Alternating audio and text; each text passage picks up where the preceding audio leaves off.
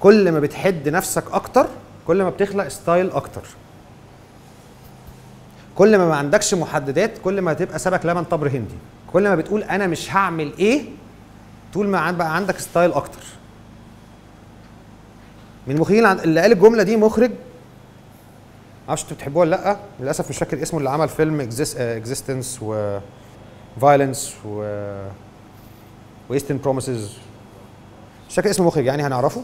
ديفيد كروننبرج صح؟ آه ديفيد كروننبرج المخرج ديفيد كروننبرج قال أنا كل أفلامي من أول shot لآخر shot بصورهم بس بالعدسة ال 25 وده اللي خلاني عندي style. ما استخدمش في حياته عدسة غير ال 25 بال 25 بياخد ال close ات بال 25 وبياخد ال long بال 25 وبياخد ال medium بال 25 Coen Brothers في نفس الكتاب. كتاب اسمه دايركتورز ماستر كلاس لو حد عايز يقراه. كوين براذرز قالوا إحنا كل أفلامنا من أول ما بدأنا لحد النهارده ما صورناش إلا بعد ستين بس 25 ولا 40 وودي ألن بيكت لما الرول بيخلص. ما بيحبش يكت فعنده ستايل. هقعد ابان معاكم لحد ما نزهق. ديك بعض. أنا كل اللي بعمله البيتس بتاعتي في الحوار.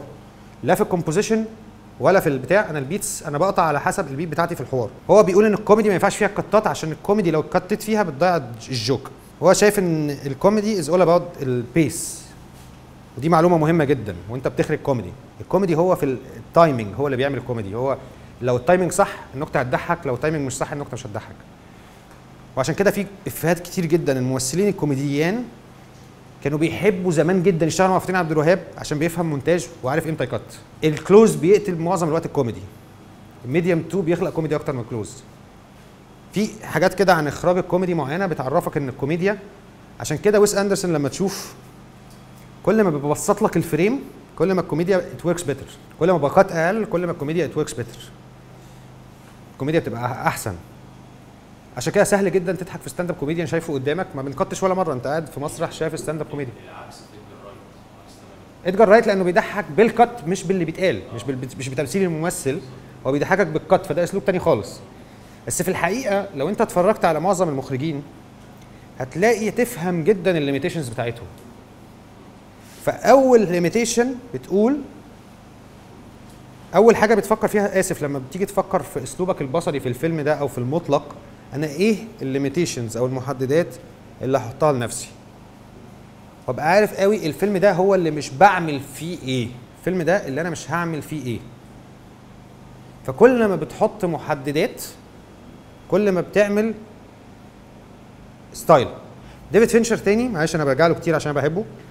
ديفيد فينشر مش مقتنع بإن الكاميرا هتتحرك مش بت follow حاجة وبيعمل حاجة في ال post معقدة جدا tracking رهيب رهيب لشيء معين جوه ال frame يعني أنا مثلا معايا الكوبايه كده هحطها على الكوب... على الترابيزة فهو بي track الكوباية فبياخدوا ال shot ساعات 120 مرة عشان بالظبط حركة الكاميرا ت follow الكوباية بالملي. أو أنا بتحرك في الشارع فبالظبط الكاميرا تتحرك pan ابقى في نفس الحتة في ال frame طول الوقت. فبيعملوها في التصوير ويقعدوا يعيدوا لحد 120 مرة وبعدين في ال post بيعمل stabilizing لو حد فاهم يعني إيه stabilizing يعني بيثبت النقطة دي في ال frame عشان تفضل ثابتة في ال frame طول الوقت. بالظبط. بس دي كانت كلها post بالظبط. بيصور بيصور حاجة أعلى ب quality أعلى علشان لما يجي يعرف يعمل tracking ما يخسرش quality stabilizing يعني. فهو مجنون لهذه الدرجة بالقصة دي. فدي حاجة خلقت عنده style معين. أنا كنت طول عمري بس مش فاهم ديفيد فينشر بيعمل pan ده إزاي. pan معقد pan غريب يعني لحد ما عرفت إن هم يعني كان في فيديو على يوتيوب بيتكلم على القصة دي. فال limitations بتخلق style ويس أندرسون عمل لنفسه طبعا واضح جدا ليه عنده style very distinctive محدد وواضح جدا علشان عامل لنفسه style من البداية خالص إن أنا 2 D كل الناس بتحاول في أفلامها إنها تبقى 3 D 3 D يعني بدل ما أشوفك كده وراك حيطة هجيب الكاميرا كده كل ما بقيت بزاوية كل ما بقيت فوق أو تحت ما بقتش في ال eye level كل ما بقى الموضوع شكله 3 dimensional أكتر. ديفيد فينشر على الناحية الثانية مهووس بال 3 D هو عايز الموضوع يبقى شكله 3 dimensional ثلاثي الأبعاد. فطول الوقت لازم يبقى عندي عمق ولازم يبقى عندي كذا. مفيش حد وراه حيطة سادة كده ابدا في فيلم عنده. خالص. مفيش حاجة اسمها flat وكل الناس عامة من قواعد السينما القديمة نهرب من ال flat ويس أندرسون واحد بيحب ال animation وبيحب الجو ال flat فكده. تيم بيرتون ما بيحبش الخطوط المتعامدة على بعض فهو عارف إن أنا مش هعمل خطوط متعامدة على بعض فكل حاجة distorted شوية. فده اللي عمل له style في أول أفلامه لحد ما بدأ يبقى عادي شوية بعدين. فالمحددات بتخلق لك style. في ناس عايزة تخلق نفسها style تمشي بيه كل أفلامها زي ما قلنا هيتشكوك وويس أندرسون وكذا وفي ناس بتحب تعمل style ات مختلفة في كل فيلم على حسب القصة بتحدد إيه زي كوبريك وزي ناس تانية. وزي آه، داني بويل. داني بويل كل فيلم بيخرجه كأنه بني آدم تاني خالص. مفيش أي تشابه ما بين Slumdog Millionaire و Trainspotting و و آه 127 مفيش تشابه ما بين أفلامه لأن هو بيحس إن هو خدام للقصة وهيتبنى لها style يليق عليها.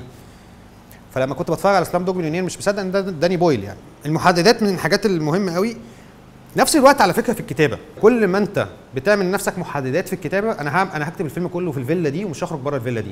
فهتلاقي حلول جديدة غير الناس التانية. طول ما بتسيب لنفسك option ات كل ما هتعمل حاجات شبه الناس كل ما بتحدد نفسك في حاجة كذا. حد شاف فيلم اسمه Son of Saul كان خد أوسكار؟ Son of Saul هو عمل محدد لنفسه إن أنا الفيلم كله close على الراجل وكل حاجة بتحصل في ال flow. فيلم ماشي كله مع الراجل مع وش الراجل؟ وفي حرب كاملة ومجزرة كاملة. ومحرقة نازية وناس بتتحرق وأنا ماشي مع وش الراجل بس أي حاجة تحصل في ال background فده عمل للفيلم style واضح جدا وكان بيخدم القصة. تاني ما تعملش حاجة شكلها حلو ما تعملش حاجة cool انسى كلمة cool cool ملهاش معنى. إيه اللي هيخدم القصة؟ ولو جات لي فكرة cool وعايز أحطها عشان في جوايا مخرج كده نفسه يظهر عايز يحط الكاميرا في شنطة العربيه وفي البوكس بتاع البوسطة ولما الثلاجه حد يفتح الثلاجه ابقى حاطط الكاميرا من جوه. أنا مخرج أنا بعرف أحط الكاميرا في حتة ما حدش فكر فيها قبل كده. عايز تعملها وهتموت وتعملها اعملها بس تكون بتخدم حكيك مش لمجرد إن شكلك cool مش مجرد إن أنت عايز تقول إن أنا بقى أحط الكاميرا في حد في حتة ما حدش يعرف يحطها. كان في مخرج مصري قديم لو سمحت هتقول اسمه. كان طول الوقت لازم إحنا هنشوف البتاع ده نشوفه من هنا. خلاص؟ ونحط فازة ونشوفه من الخرم ده. خلاص؟ لازم يبقى في فريم غريب كده عشان نقول إن أنا مخرج. وكانت افلامه حلوة جدا لأن سيناريوهاتها حلوة جدا مع ان اخراجها كان وحش جدا.